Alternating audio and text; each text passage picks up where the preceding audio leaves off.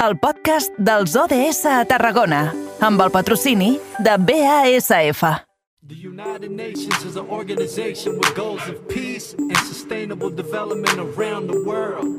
Their mission is huge, but we're breaking it down in two minutes.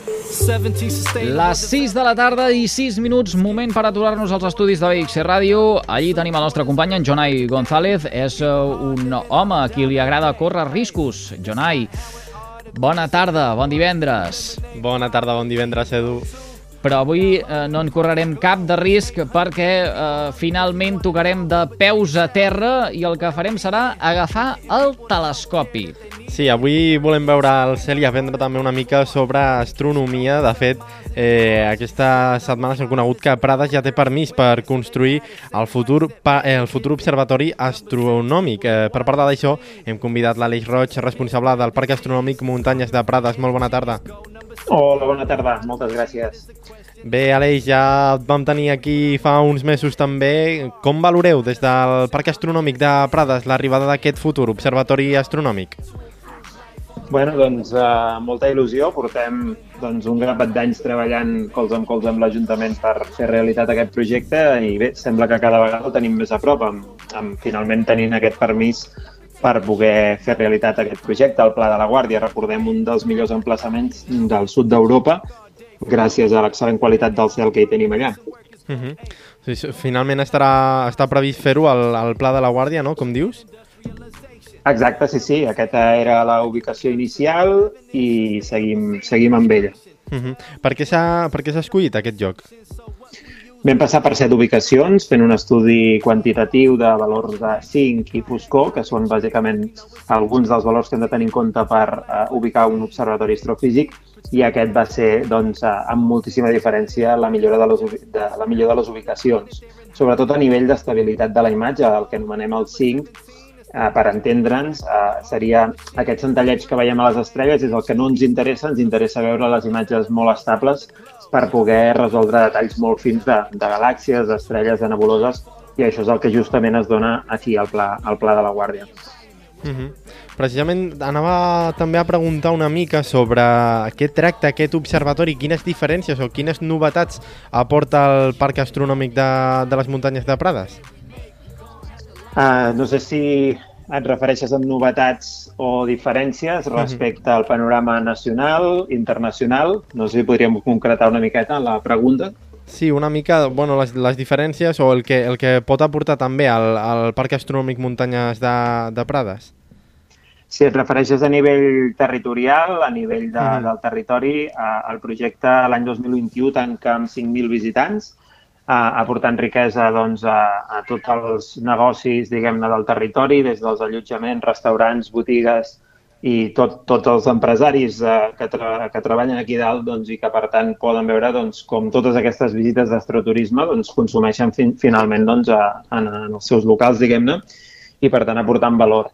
Després, per altra banda, hi ha el fet de fixar el capital humà a gent qualificada que pot doncs, treballar amb nosaltres, que es pot guanyar la vida doncs, amb una feina qualificada que fins ara tan sols es podia fer doncs, en altres territoris. Aquí a Tarragona, malauradament, no tenim departament de física a la universitat i, per tant, esperem que el projecte de l'Observatori Astrofísic eh, atregui també el talent en aquest sentit. Uh -huh. Turísticament parlant, com deies, aquesta iniciativa eh, és un gran atractiu no només per la zona, sinó perquè, de fet, el, el Selfos protegit és el, el més gran de- d'Europa, si no m'equivoco, no? Sí, exactament. La passada tardor doncs, eh, hem vist com 32 municipis finalment ens hem posat d'acord, eh, gràcies també al Parc Natural del Montsant, la Diputació de Tarragona, que hi ha estat al darrere en el dia a dia, i també la Generalitat de Catalunya, per certificar el cel fosc més eh, protegit per llei més gran de, a nivell europeu al voltant d'un parc natural. I això, doncs, la veritat és que ens fa molt feliços. Nosaltres, aquest va ser el nostre objectiu fundacional com a parc astronòmic la protecció del cel fosc i, per tant, arribar aquí, mm, pots imaginar que és, bueno, ha sigut una notícia eh, extraordinària. Uh -huh. Justament avui crec que, que comenceu o heu fet aquesta presentació dels nous espectacles de, de la temporada. No sé si, Mm. si m'equivoco o no, o si era... Bé, vas, vas, vas, ho tens, vas calent a prop a prop, eh? D'aquí una hora i 50 minuts estrenem la temporada 2022 amb Cosmos, que és un tribut a Carl Sagan, i aquest espectacle, doncs, eh, pensem que és una aposta atrevida, diferent, vinculem el món de les arts, la música, les arts escèniques amb un llenguatge nou, fresc, que pretén fer divulgació científica d'una manera que potser no estem acostumats. Per això totes aquelles i aquells que hagin passat pel Parc Astronòmic prèviament creiem que veuran en aquest espectacle que just estrenem avui una proposta mm, força diferent del que, del que hem vist. Per això doncs, hem, ens hem vinculat amb el, amb el Gerard Marçal, que és músic i és el director artístic del projecte, i també amb el Pau Vila, que és il·luminador i, i el, el dissenyador dels continguts multimèdia. Hem d'entendre que la sala principal del Parc Astronòmic eh, passa a dir-se Sala Hipàtia, amb, amb record a la primera astrònoma de la història, i està inspirada en una nau espacial, de fet, la, la pròpia nau en la qual Carl Sagan eh, de la sèrie Cosmos doncs, ens feia viatjar per l'univers. Tots aquells apassionats de l'astronomia de ben segur que, que recorden aquesta sèrie icònica i bé, farem una picada d'ullet en aquests moments de la història de la ciència, però també parlant de tota l'actualitat, des del James Webb a les noves missions que, que hi ha per aquest any 2022 en marxa. Uh mhm. -huh. I també, si no m'equivoco, també feu aquest nou espectacle Selene, no? Exacte, Selene és un espectacle infantil i familiar a partir de 3-4 anyets. És un viatge trepidant a la Lluna en la qual doncs, eh, les famílies amb els seus nens i nenes petits acompanyaran doncs, un personatge en aquest viatge de rescat. Per tant, eh, veiem que era una necessitat també poder fer una oferta pensada i dissenyada pels més petits i doncs, hem aprofitat doncs, aquest, aquest espai per fer una experiència totalment immersiva i participativa. Per tant, que vinguin eh, disposats a, a jugar una miqueta amb nosaltres i passar una bona estona d'astronomia. Hem de dir que els dos espectacles continuen amb l'observació amb telescopis de gran diàmetre i que incorporem les, eh, les tombones per reclinar-nos i estirar-nos per veure el cel fosc en directe.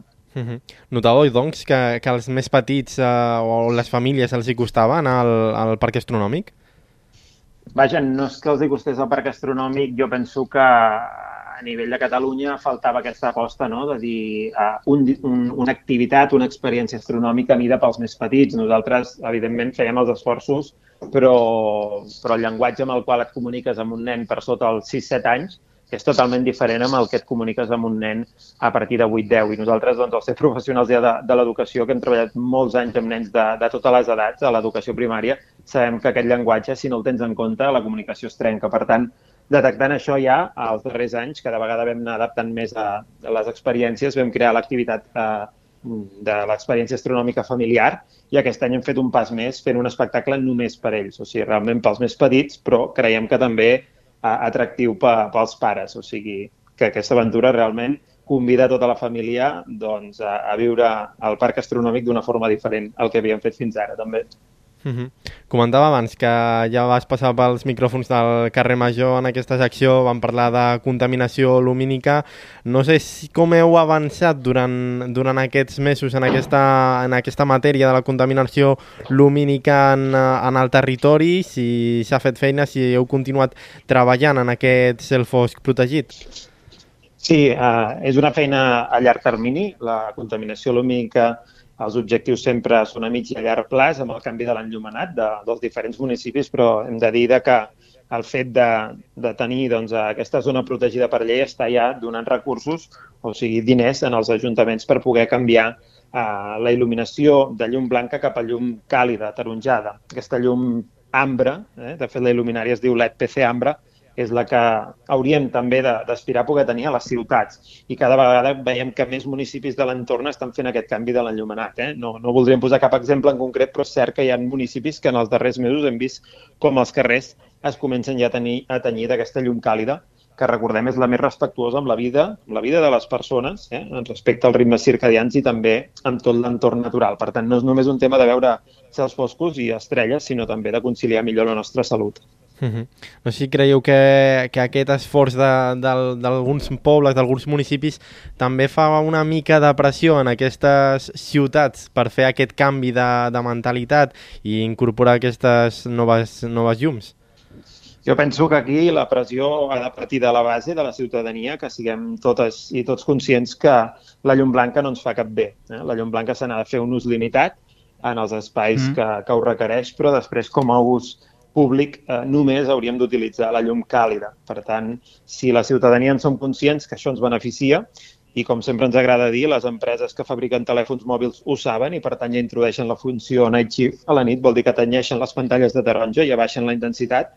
Doncs si som conscients que tot això ens està afectant en els ritmes de la son i que està afectant també la fauna i la flora, doncs eh, serà la millor manera de demanar-ho als nostres representants públics. No?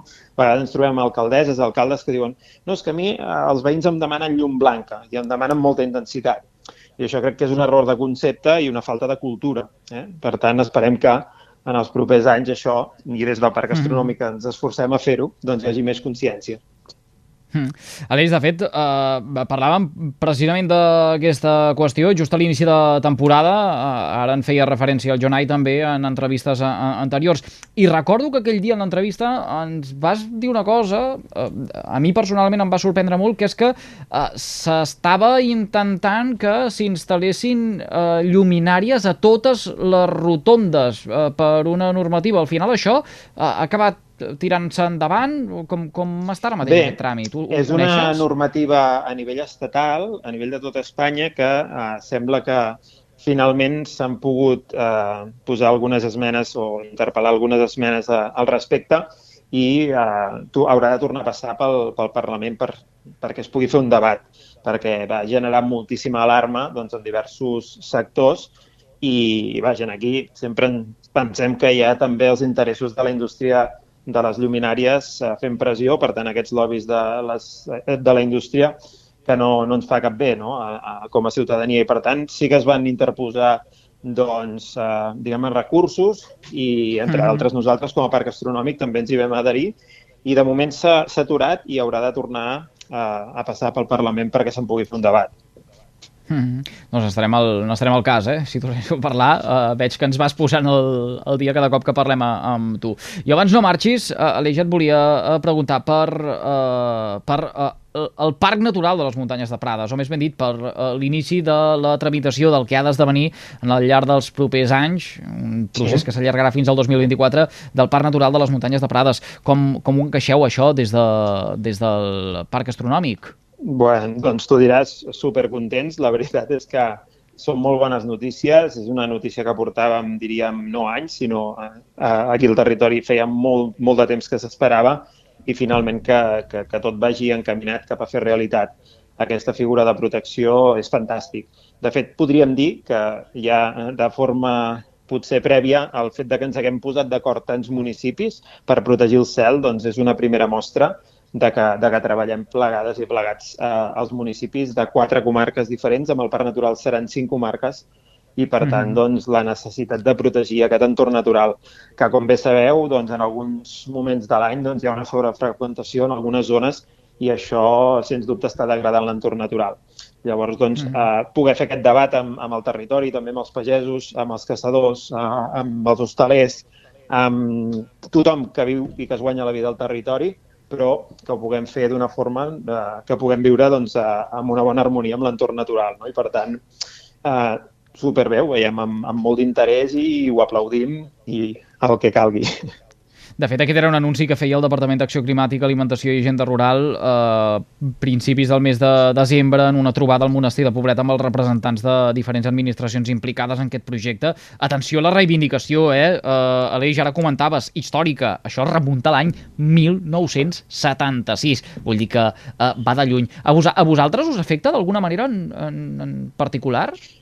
Home, ens afecta positivament en el sentit de que finalment també podrem veure doncs, un document redactat i un acord de, amb tot el territori que, entre, entre d'altres, també el vector ambiental de la protecció de cel fosc doncs, ja estarà recollit. Per tant, eh, molt contents de que tot això no, no sigui diguem-ne una iniciativa única, la protecció del cel fosc, sinó que eh, estigui sota el paraigües, un paraigües més ampli que per sort doncs, a, a la zona del de, de Montsant i el Priorat doncs, ja, ja tenen el seu parc natural, però que hi hagi aquest altre parc natural i per tant aquí a Tarragona tinguem una gran zona protegida, eh, doncs serà, serà fantàstic. Ali Roig, responsable del Parc Gastronòmic de les Muntanyes de Prades, gràcies un dia més per compartir uns minutets amb nosaltres en directe al carrer Major de les ràdios de la xarxa al Camp de Tarragona. Molta sort i fins a la propera. Moltes gràcies a vosaltres per donar-nos veu. Fins a la propera. Que... Que vagi molt.